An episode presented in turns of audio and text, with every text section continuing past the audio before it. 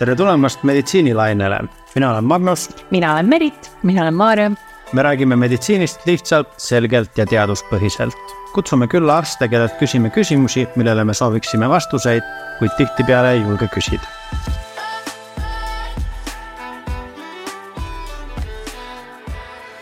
tänases meditsiinilainel saates räägime perearst doktor Piret Rospuuga suuteemadest. täpsemalt küsimuseks on appi, miks mu suu haiseb?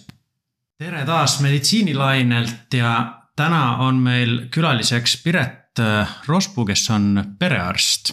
tere, Piret. tere. tere ka minu poolt ja teemaks on meil selline nagu appi, miks mu suu haiseb.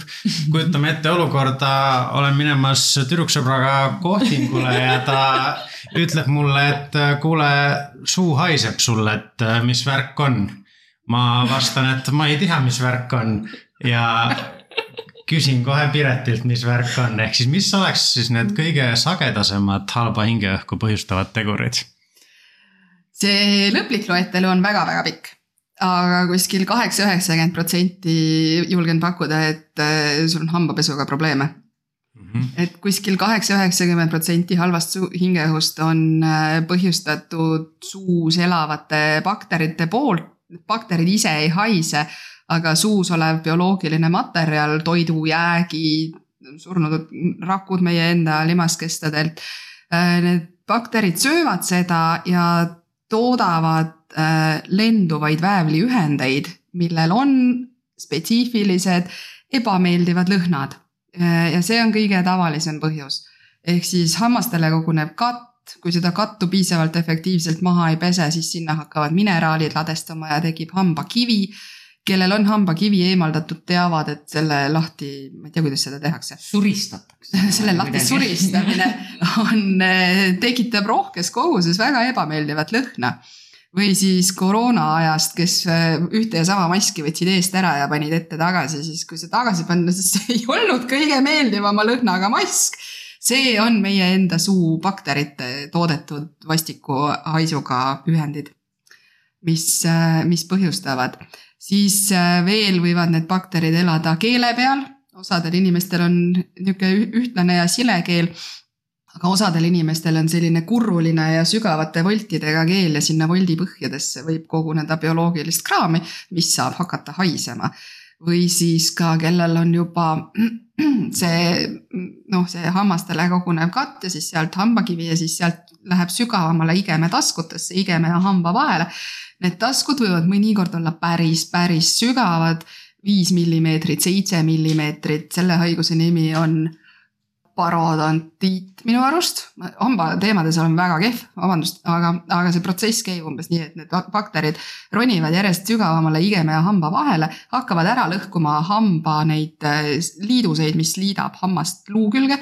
ja siis selle tagajärjeks on see, et hambad hakkavad loksuma ja välja kukkuma aga seal IM-e taskutes saavad need pisikud ka äh, vastikut haisu toota. see on kõige sagedasem hamba või selle suulõhna, lõhna põhjus on see, et suuõõne hügieeniga on pekkis ja sealt tekivad bakteriaalsed põletikud ehk siis suuhügienist võib olla see inimene, kes saab sind sinu kohtingu osas aidata.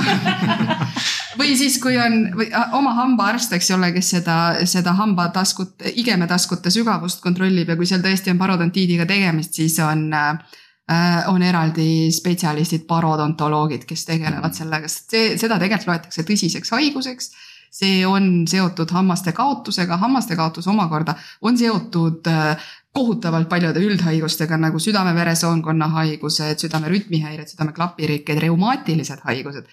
sest et need bakterid ja nende toodetud mürgid äh, on immuunsüsteemile ärritavad ja, ja kogu aeg käivitavad immuunsüsteemi, et jõu, siin on midagi, siin on midagi, me peame sellega tegelema ja kui immuunsüsteem on kogu aeg valesti ärritatud, siis mingil hetkel ta läheb veits rikki ja võib hakata inimese enda liigeseid ründama, ehk siis reumahaigused.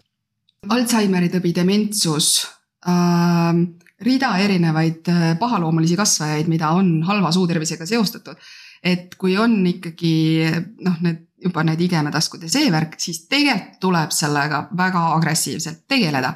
et äh, suulõhn võib olla märk hoopis sellest, et, et tuleb kiiresti sekkuda ja kiiresti pidurit tõmmata, et väga suur rida muid üldhaigusi ära hoida ehk siis väga-väga lai teema tundub. väga-väga lai teema ja siis, kui me tuleme siia, et mõnikord ei ole suu, mõnikord on suu väga ilusti puhas, kõik on hambaniiti kasutatud, on olemas need väiksed hambavaheharjad on nendega pestud, kõik on tehtud, suu on briljantselt puhas. ja hambaarst ütleb ka, et jah, kõik on korras, eks ole. jah, sul on kõik korras, sul ei ole mingeid varjatud põletikke, sul ei ole seal mingeid varjatud äh, neid mingeid, mingeid nõgususi või kas, neid taskuid või värke siis tegelikult on suuvälised põhjused ka võimalikud, mis äh, ebameeldiva suulõhnana avalduvad ja neid on väga-väga pikk loetelu.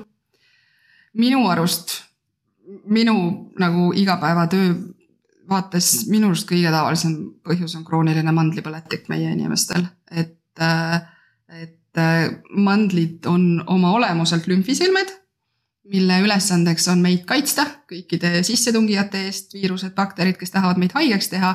suu on üks suuremaid kohti, kus, kust pisikud meie kehasse satuvad, sest me sööme nad ära ja neelame neid alla ja siis äh, hingamisega ka. ja mandlid hästi palju nagu noh, tegelevad seal ju need pisikud ja immuunsüsteemi rakud omavahel võitlevad. Äh, ja, ja kui on mingid nagu suured noh, mingid üldhaigused või need mingid ülemiste hingamisteede haigused, eks ole, köha, nohu, kurguhõlu, palavik, siis see on väga tavaline, et mandlid suurenevad ja võivad mandlitele tekkida need valged plekid või valged katud. see on tõenäoliselt siis ja need on vastiku haisuga ka tavaliselt. et, et siis need on need surnud immuunsüsteemi rakud ja surnud pisikud ja mingisugune noh, niisugune rakukõdu, mis seal on ja, ja kui see äge haigus läheb mööda, siis see tavaliselt vaibub ja mandlid oma suuruse võtavad tagasi ja kõik läheb normaalseks mõnikord jäävad sinna sellised nagu väiksed pesakesed, kus bakterid kogu aeg elutsevad ja kogu aeg põletik on ja kogu aeg sealt mingid need laibamürgid immuunsüsteemi ärritavad ja nekivad organismi. ja, ja see niisugune krooniline mandlipõletik võib olla üks põhjus, miks äh, suu haiseb ja see on üpriski spetsiifiline sihuke vastik hais ja sellest võib saada jagu siis, kui see krooniliselt põletikus, krooniliselt mädanevad mandlid ära eemaldatakse. kas see on juba siis selline hais, mida nii-öelda ära ei pese enam või? ja sinna pesemine ei aita. just. jah, et on osa patsiente, kellel on aeg-ajalt tekivad mandlite peal need valged mingid korgid või plekid, kes mõned ise eemaldavad neid ja need on tõsiselt vastiku haisuga. et, et aga, aga kui need on seal mandlite sees kogu aeg olemas et siis noh, siis need jah, kroonilises põletikus mandlid eemaldatakse ja mõnikord saab sedasi suulusest lahti. aga kas inimesed on selles osas ka nagu erinevad, et nagu ütleme nii, et on kaks inimest, kellel on samasugune hambahügieen ja rutiin, et iga hommik, iga õhtu pesevad ja värki ja ühel suu haiseb, teisel suu ei haise? ja, ja, sest et seda mis bakterid meil suus elavad ja kui palju neid on, seal lisaks hambapesule on igat sorti muid mõjusid, näiteks see ähm,, kui palju kellelgi sülge tekib. see on osaliselt seotud sellega, äh, kui palju vedelikku inimene päevas tarvitab, ehk siis need, kes äh, joovad vähe, nendel on vähe sülge, suu on kuivem ja see sülg peseb neid baktereid vähem efektiivselt ära. ehk siis äh, vedeliku puudus võib olla üks põhjus, miks suu kergemini haisema hakkab mm, -hmm. eks ju, aga see sülje tootmine ka normaalse vananemise käigus jääb vähemaks. ja siis näiteks on rida, väga pikk rida ravimeid, mis vähendavad sülje tootmist või siis, mis põhjustavad suukuivust. noh, tavaliselt pannakse kirja, et suukuivust, kuigi sülje tootmine lihtsalt jääb vähemaks siis see sülje pH on ka inimeste lõikes erinev, et äh, kui me sööme, on ju, siis tuleb sealt telereklaamist tuntav, tuttav happerünnak ja, ja see on päriselt nii, nagu seal reklaamis on, eks ju, et tuleb happerünnak ja siis, äh, ja siis see sülg neutraliseerib selle happe ära, et see hape ei kahjustaks hambaid ja siis, ja siis osadel inimestel on see sülje puhverdamisvõime väga tugev ja see, ja see sülg äh, kiiresti neutraliseerib ära selle happe, et hambad ei saaks nii palju kahjustatud. ja, ja see mõjutab ka seda, mis bakterid meil suus saavad elada ja osadel on see puhverdamisvõime nõrgem, seda me kuidagi ise minu arust muuta ei saa, see lihtsalt nii on. nii on, nagu sulle on ja. antud jah. jah, loomulikult on kahel inimesel väga erinev toitumine eks ju, mõni mhm. sööb, mõni sööb väga palju äh, puu- ja köögivilju äh, tooreid, ütleme neid asju, mis nõuavad närimist, mis esiteks mehaaniliselt, ütleme porgand ähm,, noh, mis need on niisugused kõvemat närimist vajavad äh, noh, õunad ja, ja, ja puu- ja köögiviljad. esiteks see närimine ise mehaaniliselt nühib sealt seda biofilmi või seda kattu sealt hamba pealt maha. teine asi, närimine aktiveerib sülje tootmist, mis jällegi on hammastele hea, eks ole aga teine võib-olla sööb mingi seda tšipsid, kus on palju suhkrut pandud, siis äh, saiakesed, kus on palju suhkrut pandud, siis veel haput- äh,, selle happeliste jookidega, happelise suhkruga, kokaga joovad selle alla, eks ole, loputavad. ehk siis nad ei pea ootama, et bakterid lagundaksid suhkru ja tekiks happerünnak, vaid nad kallavad seda hapet endale ise juba suhu, eks ju. et, et selles mõttes suuhügieen, hambapesu, hammaste see niiditamine võib olla ühtemoodi, aga see, mis terve päeva jooksul toimub, eks ole üks peab hambakellast ligi, ehk siis on kindlad söögikorrad ja vahepeal annab suule puhkust. teine näksib päeva ringi, kogu aeg on mingi osa suhkrut, mingi osa hapet, kogu aeg hammastega mingi kemplemine käib, et see kõik väga mõjutab mm. -hmm. aga kas, kas inimene tavaliselt paneb ise tähele, et mingisugune probleem on või võib see olla täitsa nii, et see jääb nii-öelda, ise ei pane mitte midagi tähele, aga tegelikult käid ringi ja haised kogu aeg võib-olla Äh, võib-olla, näiteks üks võimalik suulõhna põhjuseid on see, kui on äh, see ninaneelunohu, et ninast tatt valgub kurku ja tavaliselt siis on ka põsskoopad põletikus. ja see ja, ja kui sinna on kaasas ka ninakinnisus ja lõhnataju häire, siis see inimene ise ei tunnegi, aga sealt ninast ja sellest valguvast sekreedist võib tulla paha lõhna. ehk siis see on täiesti võimalik või siis võib-olla inimene lihtsalt nii harjunud selle tundega, selle, selle lõhnaga, mis tal enda suus ja seal hambakivis on. et, et teised ütlevad, et kuule, oo, et mine lase oma suu üle vaadata või midagi. hea on, kui on keegi selline lähedane, kes ütleks. ma tahtsin just öelda, et see on ka nagu selline veidi tabuteema on ju, et sa keerad nagu viisakalt niimoodi pea ära, mõtled appi, kus see suu haiseb, aga et, et me ei ole kahjuks jõudnud sinnamaani, et kuule, ma muretsen su tervise pärast, et ole hea, pöördu hambaarsti või perearsti poole on ju. jah, ja et tegelikult. ei tasu häbi tunda tegelikult seal on jah, rida probleeme, millega on võimalik tegeleda ja millega on hea, kui saab varem tegeleda. sest et nagu rääkisime, need hambahaigused, kroonilised mandlipõletikud, ka ütleme ikkagi need kroonilised nina ja need asjad, eks mõnikord saab seal ikkagi aidata. ja, ja mõnikord äh, aitab see nagu hiljem nagu hilistulemustena mitmeid asju nagu ära hoida, just need mingid südame ja liigese probleemid. meil tuli Instagramis tuli selline küsimus, et äh, kas on ka mingid toidud, mis mõjutavad minu seda hingeõhku? jah, on, on. et äh, ma usun, et suur osa inimestest on märganud enda puhul ka seda, et kui näiteks sibul, sibulat süüa, et siis järgmisel mm. päeval kehalõhn on kohe erinev ja osad toidud ju muudavad uriinilõhna natukene, eks ole, ja suulõhna ka. et kõige tavalisemad, mis äh, suulõhna mõjutavad, on sibulküüslauk, millegipärast lillkapsas ja, ja valgurikas dieet ka, kuna need väävliühendid, neid on lihtsam toota.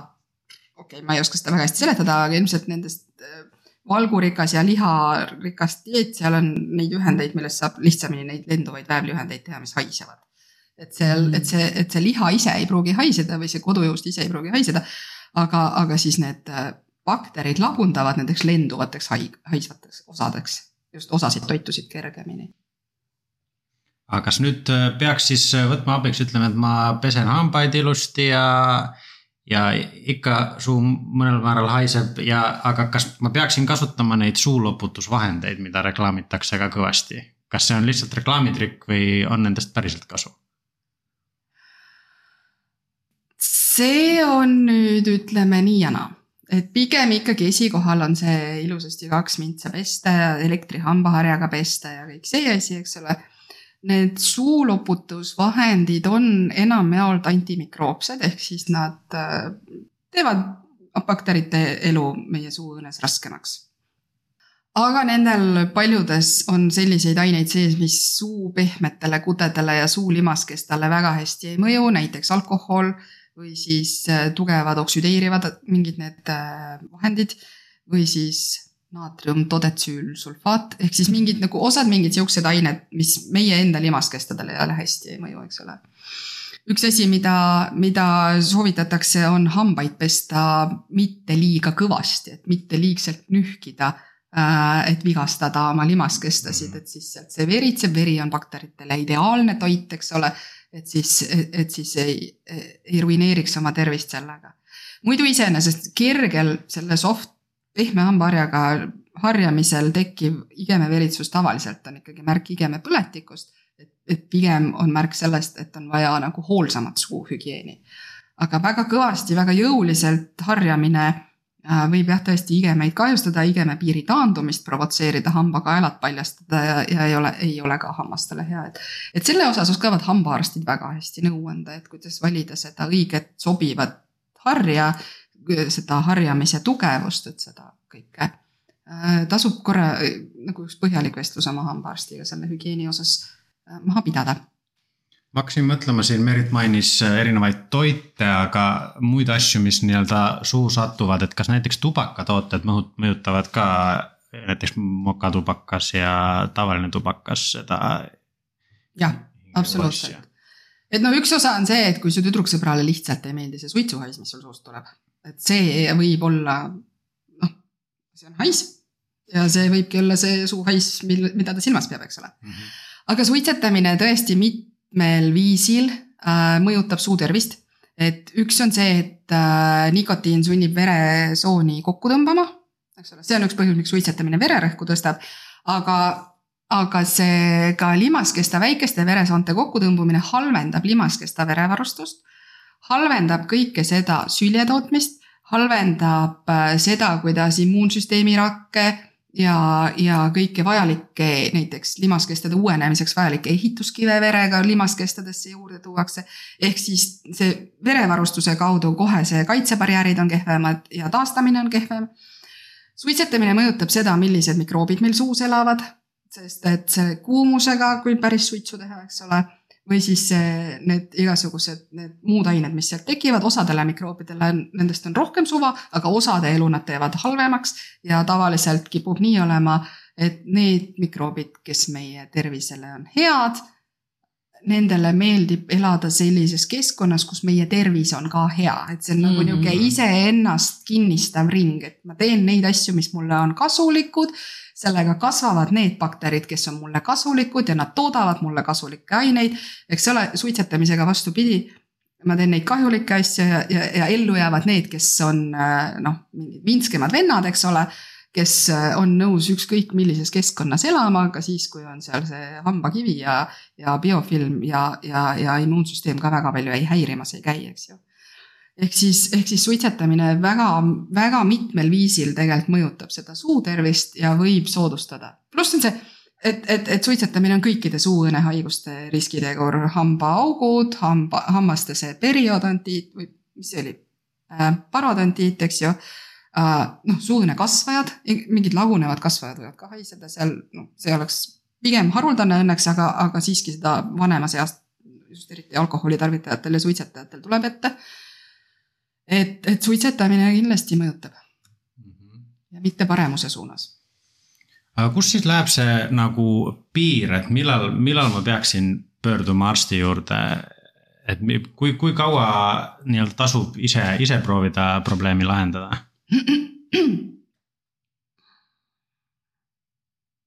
ega ma ei oska seal mingit seda kindlat äh, ajalist piiri anda. Äh, tavaliselt ikkagi mõne nädalaga, ütleme, kui on see niisugune um,. ma mõtlen, kui on ikkagi see niisugune, et, et kas hambaid pestes igemed veritsevad või näiteks selle hambavaheharjaga igem või neid hambavahesid pestes siis, eks ole, igemed veritsevad. see tavaliselt tähendab, et pead hoolikamalt seda hügieeni tegema, eks ole.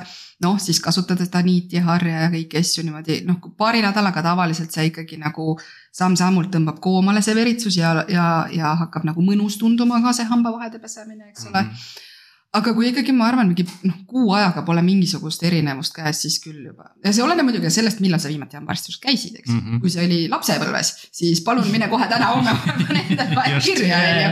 aga kui sul on hambaarstiga regulaarne kontakt, kui see probleem, ütleme mingi kuu ajaga ei lahene, siis ma arvan, et võiks minna korra küsima, et noh, mingi värk seal suus toimub, eks ju hambaarstid on minu teada saanud ka mm, päris palju koolitust selle osas, et äh, mida muud peale hammaste seal suus näha on sest et on väga palju erinevaid üldhaigusi äh,. nahalimaskestade haigused, reumaatilised haigused, nakkushaigused, kasvajahaigused, väga paljude haiguste avaldused tegelikult on suus näha.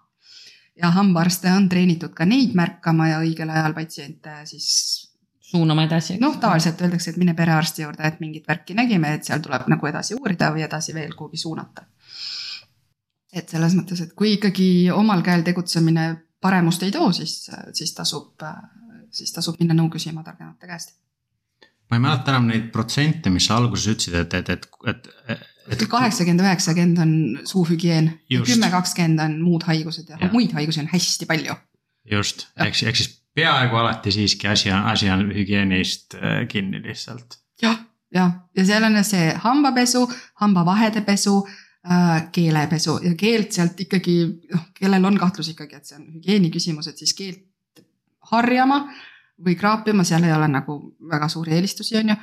ja peaks ka kõik need, kellel on vaod keelel, siis need va vagude põhjad ja sealt üsna tagant ka, et äh, kellel tekib see okserefleks kergesti, siis kirjanduse andmetel peaks sellega suht kiiresti nagu harjuma, seal, see peaks nagu, et ei aja nii kergesti öökima lihtsalt enam ma hakkasin praegu veel mõtlema selle peale, et kas siin on sellised vanuselised äh, vahed ka, et kas nagu äh, pigem algavad need probleemid äh, teismeeas või, või juba täiskasvanuna või, või kuidas sellega on? No see oleneb, mis see põhjus seal on, eks ole, et, et tõenäoliselt on nii, et mida noorem suuhaisuga inimene, seda rohkem peaks mõtlema hamma, hammaste hügieenile ja mida vanem inimene, seda rohkem tegelikult peaks ikkagi juba nagu mõttes hoidma seda, et seal võivad olla mingid muud üldhaigused, eks ole, et, et ka näiteks ka näiteks teise tüübi diabeet, mis salakavalalt noh, elu jooksul lihtsalt algab ja muudab inimesi vastuvõtlikumaks igasuguste põletike ja nakkuste tekkele sealhulgas diabeetikutega suuhügieeniga peab olema super nagu hoolas, et, et nende hambad kipuvad kiiremini ära lagunema, eks ole. Mm, või siis mingid nagu maksa- ja neerude haigused näiteks, mis võivad olla seotud noh, neeru, neerude haigused eriti just mingisuguste muude veel noh, vererõhu ja südame-veresoonkonna haigustega või nii. et, äh, et seal jah, ütleme, et, et äh, mida vanem inimene, seda nagu laiemaks minu peas pigem nagu see mõtteskaala läheb, eks ole mm. -hmm. mida noorem, siis noh, teismeiga on üks see tüüpiline vanus, kus on kõik, mida vanemad ütlevad, on täiesti loll jutt, eks ole, ja siis, ja siis ütleme, krooniliste haiguste ravi teismeeas tahab tihti lappesse minna, sest et nagu miks mina pean olema see loll, kes neid rohtusid võtab, ma tahan ka minna teie sõpradega välja, olla normaalne teismeline, eks ole. ja siis võib-olla ka see suuhügieen, kui ei ole kui ei ole sellele lapsele endale nagu nii kindlaks veendumuseks saanud, et see on minu suu ja see on minu vastutus ja see, ma ise tahan, et see oleks terve.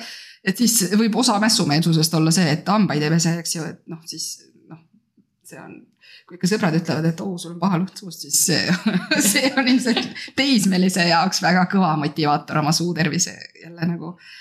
esile võtta. jah, just teemaks võtta aga kui nüüd äh, kokku võtta, siis kas on veel mingeid kiireid nippe, kuidas halvast hingeõhust äh, lahti saada? ei, kiireid nippe siin ei ole, siin on ikkagi tuim, loll, järjepidev suuhügieeni eest hoolitsemine äh,. Äh, oma toidurežiimi äh, hoolitsemine äh, tubaka ja alkoholi noh, limiteerimine, tubakat üldse nagu ausõna, pole ühtegi põhjust, miks peaks kasutama, eks ju, alkohol, no okei okay,, et kes, kes tahab, siis mõistlikud kogused ja, ja, ja mhm. nagu kolm alkovaba päeva nädalas ja nii nagu need soovitused on, eks ju um, ma usun, et nendes rahvameditsiini gruppides tõenäoliselt on väga palju erinevaid taimsete vahendite soovitusi mm, -hmm. eks ju, et on väga palju taimi, millel on antimikroopset mõju ja põletikuvastast mõju. et selles mõttes noh, täiendavana, kes tahab proovida, ma arvan, et ei ole midagi halba selles, kui näiteks üks, üks viimase uuringuid, mis ma leidsin, oli see, et rohelise teega suu loputamine viie, ei jah, viieprotsendiline siis rohelise tee rohelise tee lahutõmmis sest sa teaduses pead olema, sa saad ju kaudsemalt ja lahjemat, et siis viieprotsendile Camellia sinensise lahus. sellega suu loputamine on sama tõhus kui kloorheksidiiniga, eks ole, et selles mõttes, et, et, et ja seller ja guaavikoored ja munakoored Hiinas, et see on, see on ka kultuuriliselt erinev, mis taimed kellelgi kättesaadavad on olnud, eks ole. et, et siis võib ju neid ravimitaimi kasutada, aga see peaks käima käsikäes kõikide nende muude põhimõtetega. hoolas suuhügieen, kindlad toidukorrad, näksimist vahepeale ei pane ja, ja siis noh, võib neid suuloputusi ju teha ja kui ikkagi miskit on, et siis pöörduda arsti poole, et kui saad aru, et. kui ikka. suuhügieen on piisav, aga et tundub, et võib olla miskit muud. kui tavaline kodune tegelus ei piisa, et siis ikkagi peaks minema, ma arvan küll näitama ette ja hakkama otsima, et mis see, mis see on, kas see on suuhügieen, kas seal on mingid muud asjad toimumas taustal hästi, aga ühesõnaga peame meeles järgmine kord, kui lähme kohtingule või kuskile niisama inimestega suhtleme, suhtlema, siis peseme hambad korralikult äh, hommikul ära. Ja hullu maksa, hullu panna nüüd ka selle hambapesuga ei maksa, et suurem osa hambapastasid on ikkagi abrasiivsed mm. -hmm. et mhm. hommik ja õhtu on piisav, et kui nagu viis korda päevas pesta, siis lihtsalt kulutad oma emaili õhukeseks ja seda ka ei soovita kellelegi. just, väga hea nipp mina olen vähemalt saanud väga palju targemaks, aitäh sulle, Piret. aitäh sulle, Piret. aitäh aitäh, et oled meiega meditsiinilainel. leiad meid ka Instagramist ning postkasti ootame küsimusi ja tagasisidet. kohtumiseni järgmisel lainel